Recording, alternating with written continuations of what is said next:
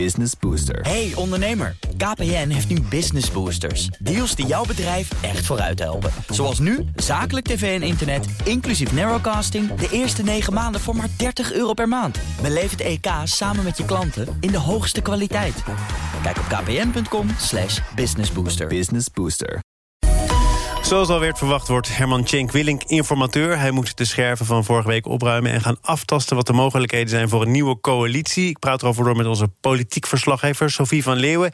Er is dus gekozen voor een oud-gediende... op enige afstand van de actuele politiek. En, ik vul bijna alles in, maar het is geen verrassing, hè? Nee, helemaal niet. Nee, de, de, Cenk Willink is, is, volgens mij al voor de vierde keer informateur. En ja, je ziet dat wat hier nodig is op het Binnenhof op dit moment... dat is rust. Gewoon voorspelbaarheid, betrouwbaarheid. En dus hebben ze ja, een van de meest ervaren... of misschien de meest ervaren informateur uit de kast getrokken. Cenk Willink bijna 80 jaar. En die mag de klus gaan klaren. Hebben ze zojuist de, de 17 fractieleiders besproken met elkaar hier op het Binnenhof. Er wordt nog over gestemd en gedebatteerd. Maar uh, ik heb alvast een reactie van de SGP, Kees van der Staaij. Wij, wij, vinden het belang dat het inderdaad uh, dat er een breed gedragen stap nu gezet uh, kan worden. en dan vind ik ook Cenk Willink een begrijpelijke naam. Wat, wat mijn fractie nu belangrijk vindt, wat ik persoonlijk ook heel belangrijk vind... is dat we nu vooral even de rust bewaren... en uh, de informateur aan het werk zetten um, om te inventariseren... wat er nodig is voor een uh, formatievorm. Dus ik ga daar zeg maar nu niet uh, allerlei uitspraken over doen. We hebben aan de ene kant een motie van wantrouwen natuurlijk gesteund afgelopen donderdag, vrijdagnacht. We hebben te maken met een situatie waarin we nu gaan kijken wat nodig is al dus Kees van der Staaij van de SGP. Ja, zometeen dus een debat hierover. Ik verwacht wel een meerderheid hoor, Thomas. Hoewel er ook wat gemopperd werd zojuist. Baudet kwam naar buiten van Forum. Die vindt het eigenlijk niks. Zo'n uh, ja, zo'n zo'n oude heer van, van, ja, van het politieke verleden en niet van de toekomst. En Geert Wilders is ook niet voor, maar hij zegt dit. Ik denk dat een hele grote meerderheid de heer Tjink wel steunt. Dus hij zal het wel gaan worden. Al dus Geert Wilders. Nou, als hij het zegt, dan is het zo, denk ik. Ja, want uh, hoe gaat hij dan nu te werk? Hij heeft natuurlijk, zoals gezegd in de introductie, wel wat scherven op te ruimen. Waar begint het? Ja, dat is een hele goede vraag. Ik denk dat, je, dat ze uh, sowieso brede gesprekken gaan voeren met D66 natuurlijk en met de VVD. Dat zijn natuurlijk de usual, uh, ja, de, de, mensen, die, de partijen die het moeten gaan fixen nu met z'n tweeën. En we hebben hem al eerder gehoord. Um, een paar weken geleden zat hij bij Buitenhof, Cenk Willink. En toen zei hij, we moeten gewoon kijken naar de inhoud, naar de grote problemen in ons land. En ook gewoon naar de feiten gaan kijken. Dus stikstofcrisis klimaatcrisis. En niet op, op ja, uh, met poppetjes gaan schuiven en uh, politieke spelletjes spelen. Hij wil echt een inhoudelijke informatie. Dat is de manier waarop hij het wil gaan doen. Nou, Sigrid Kaag wil dat volgens mij ook van D66. De vraag is wel waar in dit verhaal natuurlijk Mark Rutte blijft. De man nou ja, die vorige week uh, een moeilijk debat had... en waar heel veel mensen niet meer mee willen samenwerken in Den Haag. Maar als het niet over de poppetjes gaat, dan hoeven we in ieder geval de komende dagen en weken niet direct de naam van Pieter Omtzigt te verwachten in de gesprekken. Nou, je, hoort het ook net bij die fractieleiders. Hè, dan vragen we, goh, sluiten jullie Rutte nou echt helemaal uit? En hè, Kaag kwam langs en zojuist ook Jesse Klaver. Uh, is dit nou helemaal onmogelijk geworden? Iedereen probeert een beetje de rust te bewaren. Uh, want ja, we moeten toch eerst uh, onze politieke verantwoordelijkheid nemen. Ik moet wel zeggen, Klaver, die sprak ik net, die zegt wel dat het toch heel onwaarschijnlijk is... dat hij dan Rutte of Kaag aan die meerderheid gaat helpen. We hebben vorige week natuurlijk anders van de ChristenUnie een motie van wantrouwen gesteund. En daarom hebben we gezegd, uh, wij hebben geen vertrouwen in Mark Rutte als premier. Dat is niet veranderd sinds vorige week. Ook alle pogingen van de VVD en Mark Rutte zelf om dat dit weekend te herstellen. Ook dat heeft geen verandering gebracht. Ja, GroenLinks. Dus eigenlijk wordt het voor hen lastig. Nou, we hebben Segers al gehoord van de ChristenUnie. Wil niet meedoen. Dus kan Rutte aanblijven en, en door en he, in een nieuw kabinet? Gaat dat lukken als niemand met hem wil werken? Dat is een vraag voor Cenk Willink. Maar nogmaals, hij zegt laten we naar de inhoud kijken. En misschien worden we het dan wel met elkaar eens.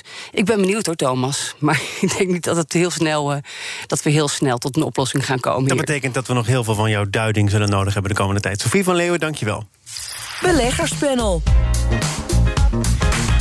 De AFM deed onderzoek naar meer dan 160 pensioenfondsen... en komt tot de conclusie dat die niet transparant genoeg zijn... over de kosten die ze maken. En investeringsbedrijf Archegos veroorzaakte megaverliezen... bij grote Amerikaanse banken met riskante beleggingen... en heel veel geleend geld.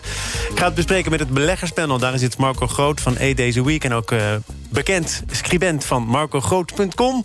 En Reiner Wiesma, portfolio manager bij IBS Capital Management. Welkom heren. Hebben jullie nog een laatste spectaculaire transactie... of kunnen jullie niet wachten om het uitgebreid over pensioenfondsen te hebben? Ik vind dat ik een bijzondere stap heb gemaakt. Ik zei vorige keer dat ik um, uh, wachtte op een spike in de rente en inflatie... wat een dip in de beurs zou veroorzaken. Die dip kwam er, maar die was voor mij niet groot genoeg. Dus ik ben niet all-in gegaan zoals ik beloofd had. En ik heb iets anders gedaan. Ik heb een stukje bitcoin gekocht. Ja. Voor het eerst in je leven? Ja, serieus. Je zit erin? Echt waar. Je doet mee? Ja, en ik ga nog veel meer meedoen. Um, ik heb me enorm verdiept in de, in de techniek, in de intentie in het netwerk, samen met wat blockchain-experts en AI-mensen en wiskundigen die ik kon vinden. En ik denk dat ik het nu veel beter snap. En dat maakt het voor mij eigenlijk heel knap en werkzaam. Uh, mijn interesse wordt versterkt door het feit dat oud geld dit een grote grap vindt. Dat pensioenfondsen dit eigenlijk een Ponzi-scheme vinden. En mensen zoals Hans de Geus, die vorige week heel denigrerend op RTL Z staat te vertellen dat het allemaal een grote bubbel is. En belangrijk is dan dat 99% van de crypto-experts die ook op formele media mogen presenteren, gewoon echt grote manipulatieve leugenaars zijn. Maar Marco, je hebt uh, goed voorwerk verricht, blijkbaar, met heel veel mensen gesproken. Daar betaal je natuurlijk wel een prijs voor. Want als je dit uh, een paar jaar eerder had gedacht, ja. dan was het een andere wereld geweest. altijd. Ik bedoel, als, als we als we allemaal Amazon uit emissie hadden gekocht of Tesla, soms duurt het wat langer voordat je iets begrijpt. En ik durf prima toe te geven dat het best lang geduurd heeft voordat ik er iets van vertrouwen en begrip in durfde te stoppen. En dat heb ik nu gevonden. Maar je hebt een stukje Bitcoin gekocht. Je bent van plan nog heel veel meer te gaan doen. Nee, dus ik ben van plan om stukjes bij te blijven kopen. Dus uh, diversificatie. Nou, ik vind het inderdaad een bijzondere stap. Ja. Dank dat je dat nog even wilde toelichten. Reinder, wat is jouw laatste transactie? Uh, ja, we hebben dit uh, afgelopen kwartaal één transactie gedaan bij IBS. En dat is de aankoop van Adobe. bekend van de PDF. Ja, het is altijd verlopen. Ja, ja nee, het is, dat, dat verkopen ze op abonnementsvorm. Maar dat is juist een heel goed onderdeel van het businessmodel. Um, nee, Adobe is, is ja, bekend van de PDF, maar is veel meer. Dus het is een bedrijf onder hand van goed 200 miljard uh, beurswaarde. En ze zijn heel groot in de applicaties voor creatieve industrie. Dus de gemiddelde Netflix-film en uh, nou ja, Photoshop is natuurlijk ook van hun. Uh, nou, dat laatste. En Netflix is natuurlijk belangrijk. Als je in dat soort bedrijven ook zit... en een belangrijke rol speelt bij het succes van die bedrijven... dan ja. zit daar misschien ook wel meer geld in uiteindelijk dan in pdf's. Uh, zeker, zeker. Nee, de PDF zijn wel bekend, maar de, de creatieve applicaties een vijftigtal echt voor het bewerken van films en van foto's. Dat, is, uh, nee, dat gaat heel hard, want elke Instagram-foto en het hele gebeuren wordt tegenwoordig allemaal bewerkt en uh, gedaan in die software. Dus dat is uh, nou, onze enige en laatste transactie. Dus, ook gefeliciteerd daarmee. Dan kunnen we het nu toch echt gaan hebben over de jaarverslagen van pensioenfondsen. Ook bekeken door de AFM. Conclusie: de helft houdt zich niet aan de wet over het rapporteren van de kosten. En uh, bovendien geeft driekwart te weinig uitleg over de hoogte van de kosten en hoe die dan precies zijn opgebouwd. Marco, jij hebt je verdiept in Bitcoin, maar je hebt ook nog tijd gevonden om uh, te kijken naar de jaarverslagen. Ik geloof van één groot pensioenfonds en een wat kleiner pensioenfonds. Ja, het grootste pensioenfonds waar ik in deelneem is dat van de Rabo. En het kleinste pensioenfonds waar daar, waarin ik deelneem is dat van, van de meubelindustrie. En daar krijg ik 1 euro 10 per jaar van, van, vanaf het moment dat ik met pensioen ga. Omdat mijn ex-vrouw een blauwe maandag in die omgeving heeft gewerkt. Um, zal niet genoeg zijn. Uh, en ik ben, maar je kunt natuurlijk rekenen op de bitcoin over een paar jaar. Precies. Ik ben, uh, ik, ben, ik ben echt die jaarverslagen door gaan scrollen. Dus dat is twee keer 100 pagina's. Um, de transparantie wordt verwacht op het gebied van administratieve kosten, vermogensbeheerkosten en transactiekosten. En vooral die eerste twee moeten duidelijk gesplit zijn. Die laatste is eigenlijk heel makkelijk terug te vinden. En ik snap de kritiek van de AFM dat je zegt... de bestuurskosten moeten eerlijk verdeeld worden. Want dat is dan waar het over gaat. En wat de meeste pensioenfondsen doen is zeggen... oké, ik, ik alloceer 50% van mijn kosten voor het bestuur en de administratie... en 50% aan vermogensbeheer. Vermogensbeheer is volgens mij wel de grootste slok op de borrel, toch? Ja. Daar gaat het met name. Volgens mij is het 80 ja, van het, uh, van het totaal. 90 van, ja. van, de kosten gaan. Van het ongeveer 9 miljard aan kosten. Ja. Een goede miljard gaan op aan uh, beheer en administratie en de rest is vermogensbeheer. Ja. Nou, vergelijkt de AFM het ook met uh, de kosten van een gemiddeld indexfonds en zegt, nou, die pensioenfondsen, hoe die daar scoren, dat is zorgwekkend. Dat gaat eigenlijk helemaal nergens over. Is dat een enigszins vergelijkbare situatie dan? Uh, ja, wat, ik, wat ik zelf heel leuk vond te zien, wat niet helemaal duidelijk werd ook voor mij uit het onderzoek, was het. Uh, als je een, een indexfonds koopt, zou je een hele lage fee kunnen betalen, zeg maar 0,1 procent.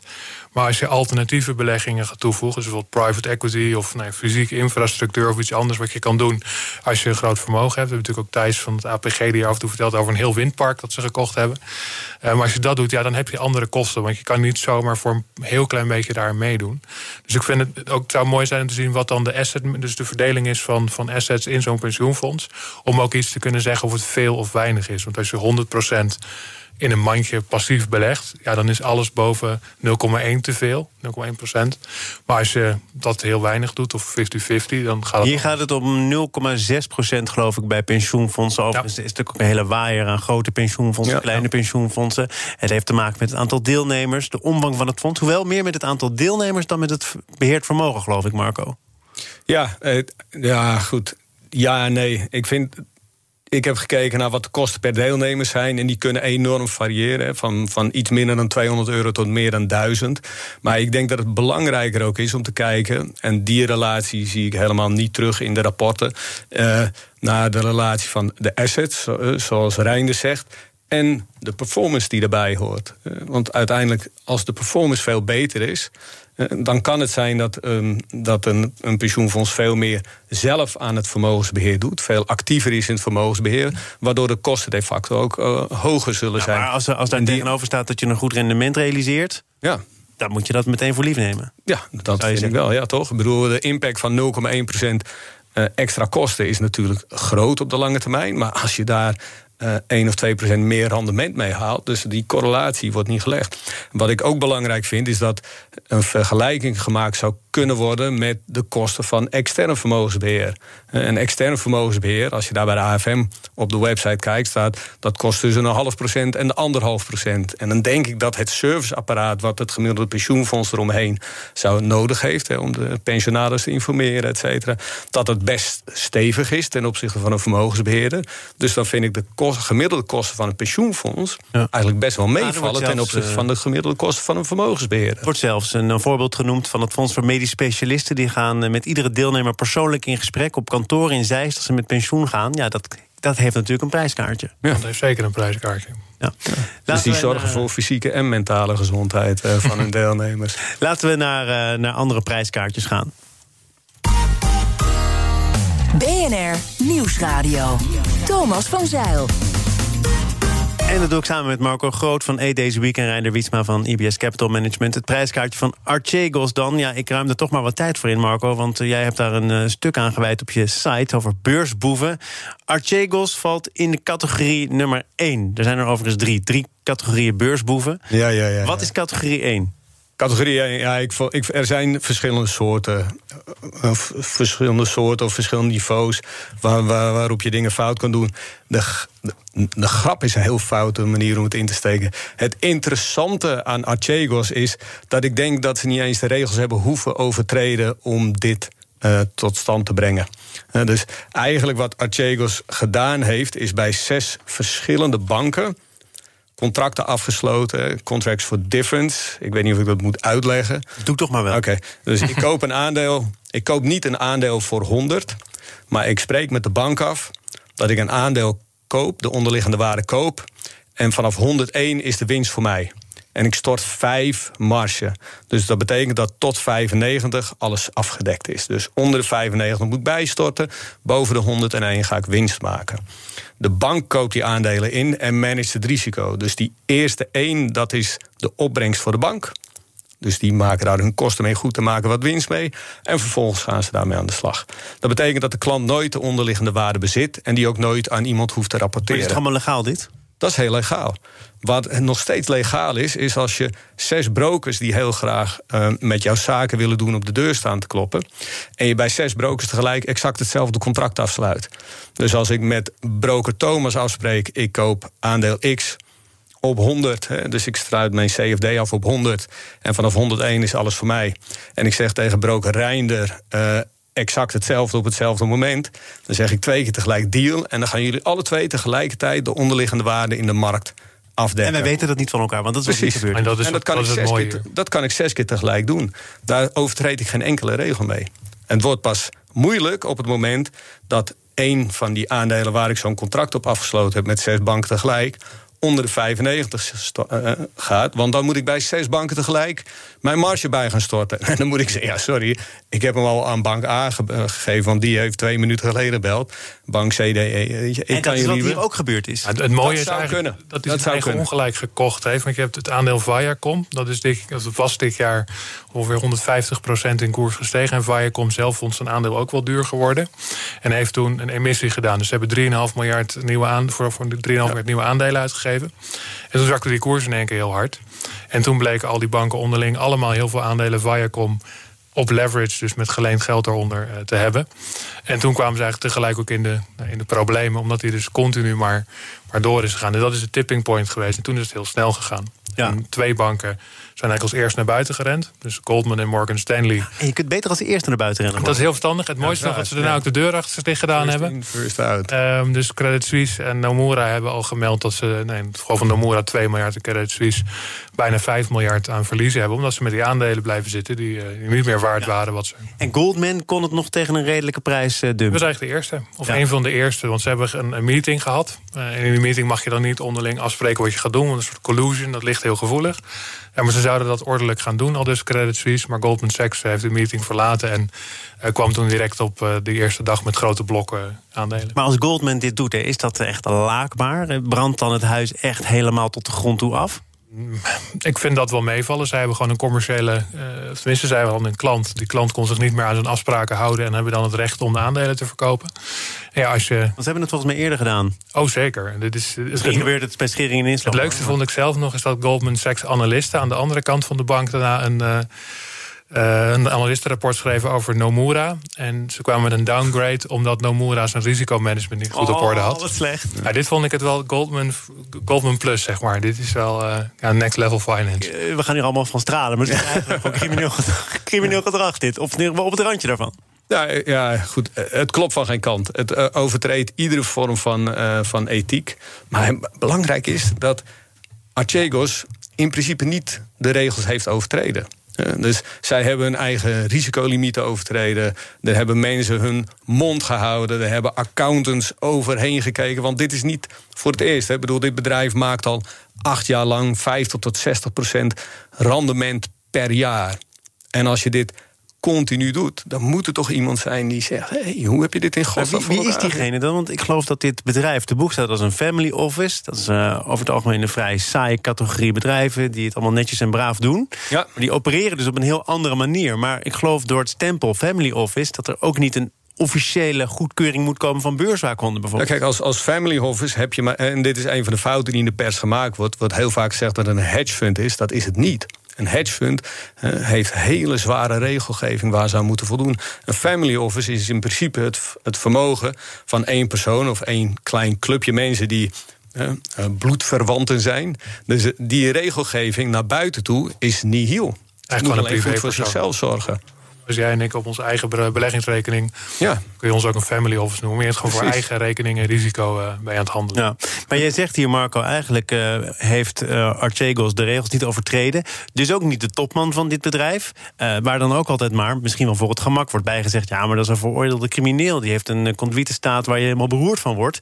Eigenlijk blijft hij hier dus binnen de lijntjes.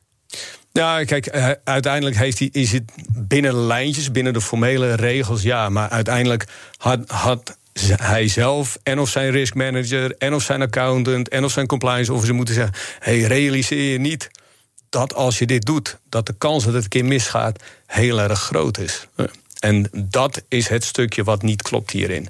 Maar de handel om die contracten af te sluiten, daar, dat is niet buiten de regels. Het is iedere vorm van moraliteit overtreden en iedere vorm van risicomanagement overtreden. En wat zijn de gevolgen? Ik geloof dat het sowieso personele gevolgen heeft voor Credit Suisse. Want er gaan twee topbestuurders de laan uit. Ja. Uh, maar doet het nog iets met het vertrouwen in uh, de beurs... of het financiële stelsel, of het vertrouwen dat je hebt... of het gebrek aan vertrouwen in toezicht? Is het een incident, zoals er volgende week weer een nieuw incident is? Of staat het voor meer? Nou ja, aan de kant van de Amerikaanse toezichthouder gaan inderdaad geluiden op om wat meer regelgeving te introduceren, ook voor family office. Want die zijn heel hard gegroeid in de laatste jaren. Om ook eigenlijk weg te stappen bij de regelgeving die al eerst voor hedge funds. Ehm, wat in dit geval ook bijzonder is, of in ieder geval wat ik zelf. Je kon ook niet zien dat zij de partij waren die dit soort posities innamen. Normaal moet je het altijd melden, maar omdat je er een contract tussen zit, zag je dat die banken grote posities hadden. Maar ja, dat zegt niet zoveel. Dus je kon ook niet zo goed zien wie nou wat aan het doen is.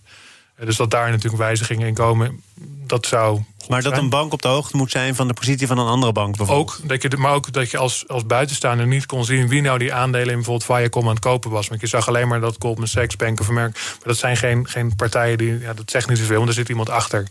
Dus je kon dat niet zien. Maar want, kijk, deze hele case is natuurlijk ook een een soort van in strijd met logica. Want je hebt 8 miljard aan eigen geld. Dan zou je bij de rijkste 0,00 zoveel procent van de wereld horen. En je besluit om daar 90 miljard geleend geld bij te doen om te gaan beleggen. En je eindigt met nul. Het, het, het, het, is ook, het tart natuurlijk alle logica. Want je was heel vermogend en nu heb je niks. En de meeste family offices zijn gewoon privépersonen, families met veel vermogen. En die willen dat gewoon over tijd laten groeien. Maar zeker niet op deze manier. Want dit is dus het was ook nog eens een eh, tamelijk slecht verkleed family office, begrijp ik. Uh, ja, achteraf wel. Ik, ik, denk, eh, ik, ik beleg via links. En als ik op mijn account kijk hoeveel geld ik daar heb staan... en hoeveel ik mag beleggen, dan is dat keer vijf. Hè? Dus dit leverage spelletje, dit hefboom-effect... dat kunnen wij overal toepassen. En meneer Wang heeft dat in grote, grote mate gedaan. Want hij heeft niet alleen die keer 5 gebruikt. Uiteindelijk heeft hij die marge van 5 op 100 gebruikt. Dus het is keer 5 keer 20. Hè, want 100 gedeeld door 5 is 20. Dus de leverage was over de leverage heen. En dat, dat, ja, dat gaat voorbij in alle ethiek. Dit, dit, heeft, dit heeft allemaal gewoon gekund, gemogen. Ja. Uh, tot nu. Ja. Of denk jij, we maken ons hier nog een paar keer druk over en dan gaan we gewoon weer door. Ja, ik, kijk, uiteindelijk moet je ook in de financiële markt misschien wel een soort BKR instellen. Dus uh, in Amerika kan je bij zes verschillende creditcardmaatschappijen zes verschillende creditcards aanvragen. En pas als je bij één niet kan betalen, dan gaan die andere vijf uh, vermoeden dat er iets mis is. In Nederland hebben we dat heel goed geregeld met een BKR. Misschien moeten er alle uh, financiële autoriteiten dat ook een keer gaan Je kunt wat minder gaan shoppen, denk jij, op dat moment? Ja, dat lijkt me niet onverstandig. Dank voor jullie bijdrage aan het uh, beleggerspanel. Ik ben nog eigenlijk wel benieuwd naar die andere twee categorieën beursboeven. Maar die komen ongetwijfeld aan de hand van de actualiteit alweer een keer. Site. Ja, ja. Nou ja, anders kort. We hebben nog even, zie ik. De tweede is uh, degene die een foutje probeert weg te moffelen. Hè. Dus iemand die een fout maakt en denkt: oh shit, dit had ik niet willen doen. Alle Nick Leeson. Dat is het voorbeeld wat ik op mijn website gebruik. Uh, en vervolgens groeit die fout naar disproportionele proporties. Dus het is nooit voor eigen gewingen geweest. Maar het is eigenlijk om iets op te lossen wat niet lukt. En het derde is, uh, is meneer Medoff. Ah. Die, uh, die de inleg van vandaag gebruikt om de belofte van, aan tien andere beleggers van gisteren op te lossen. Dat is, dat is een bulldozer. Maar er is één hele grote boef, hè? Die kan je aan het slot lezen aan het einde van die column. Die vind je op marcogroot.com. Reiner Wietsma, als jij een site wil beginnen... ik noem hem eh, met alle liefde door. IBSCA.nl. IBS schrijft ook hele mooie verhalen op de website. dank voor jullie komst. Zometeen gaat het in dit programma over tech en sport... en een fonds dat opgericht is om daarvoor geld op te halen. Business Booster. Hey ondernemer, KPN heeft nu Business Boosters. Deals die jouw bedrijf echt vooruit helpen. Zoals nu, zakelijk tv en internet, inclusief narrowcasting... de eerste negen maanden voor maar 30 euro per maand. Beleef het EK samen met je klanten in de hoogste kwaliteit. Kijk op kpn.com slash businessbooster. Business Booster.